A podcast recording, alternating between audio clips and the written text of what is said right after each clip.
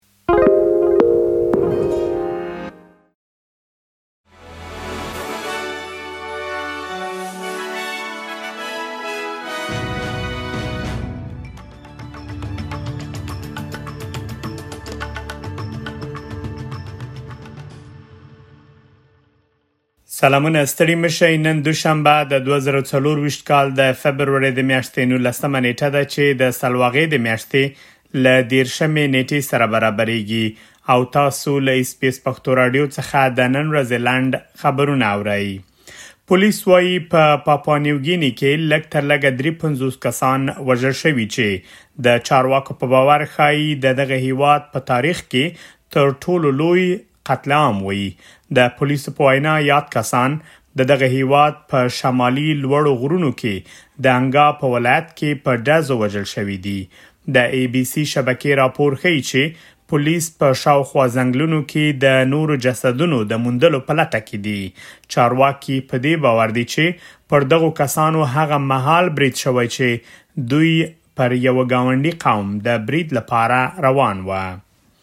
د استرالیا د بشري حقوقو کمیسیون وایي اندېښنه لري چې د محکومو ترهګرو د پاسپورت لغوه کول به ونه شي کولای دغه هیواد نور خوندي کړي د کمیسیون مشره روزالند کروچر د فدرال پارلماني تحقیقاتو ته ویلي چې اوس مهال د خلکو تابعیت لغوه کول یوازې یو سمبولیک هدف دی. د استرالیا پارلمان په دې اړه په تیر دسمبر میاشت کې قانون تصویب کړی. د چاپیریال وزیر تانیا پلبرسیک د اپوزیسیون مشر پیټر ډټن تورونه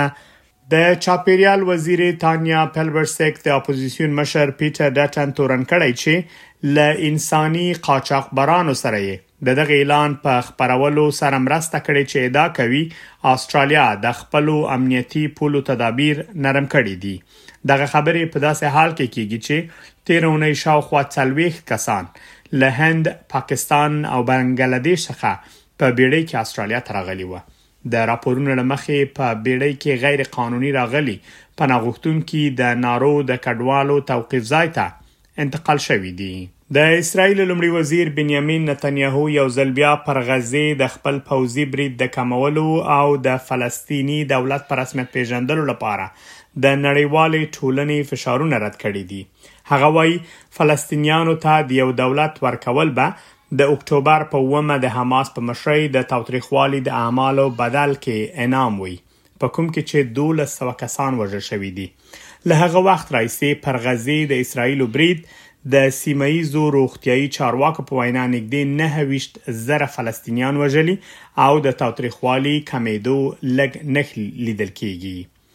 ټاکل شوې تر څو نن شپه د افغانستان او سریلانکا د کرکټ د ملي لوبډلو ترمنځ دویمه شل اوریزه لوبه ترسره شي. سریلانکا له افغانستان څخه لومړی لوبه ګټلې مګر د نن د لوبې لګټلو سره به وکولای شي د شلوريزو لوبو سیریز هم په خپل نوم ثبت کړي سریلانکا تر دې وړاندې افغانستان ته په یو ورځنیو دریو لوبو او یوې ټیسټ لوبې کې هم ماته ورکړې ده دا و د نن ورځې لنډ خبرونه چې ما مجيب منيب تاسو ته وړاندې کړل تر بیا مله مل شه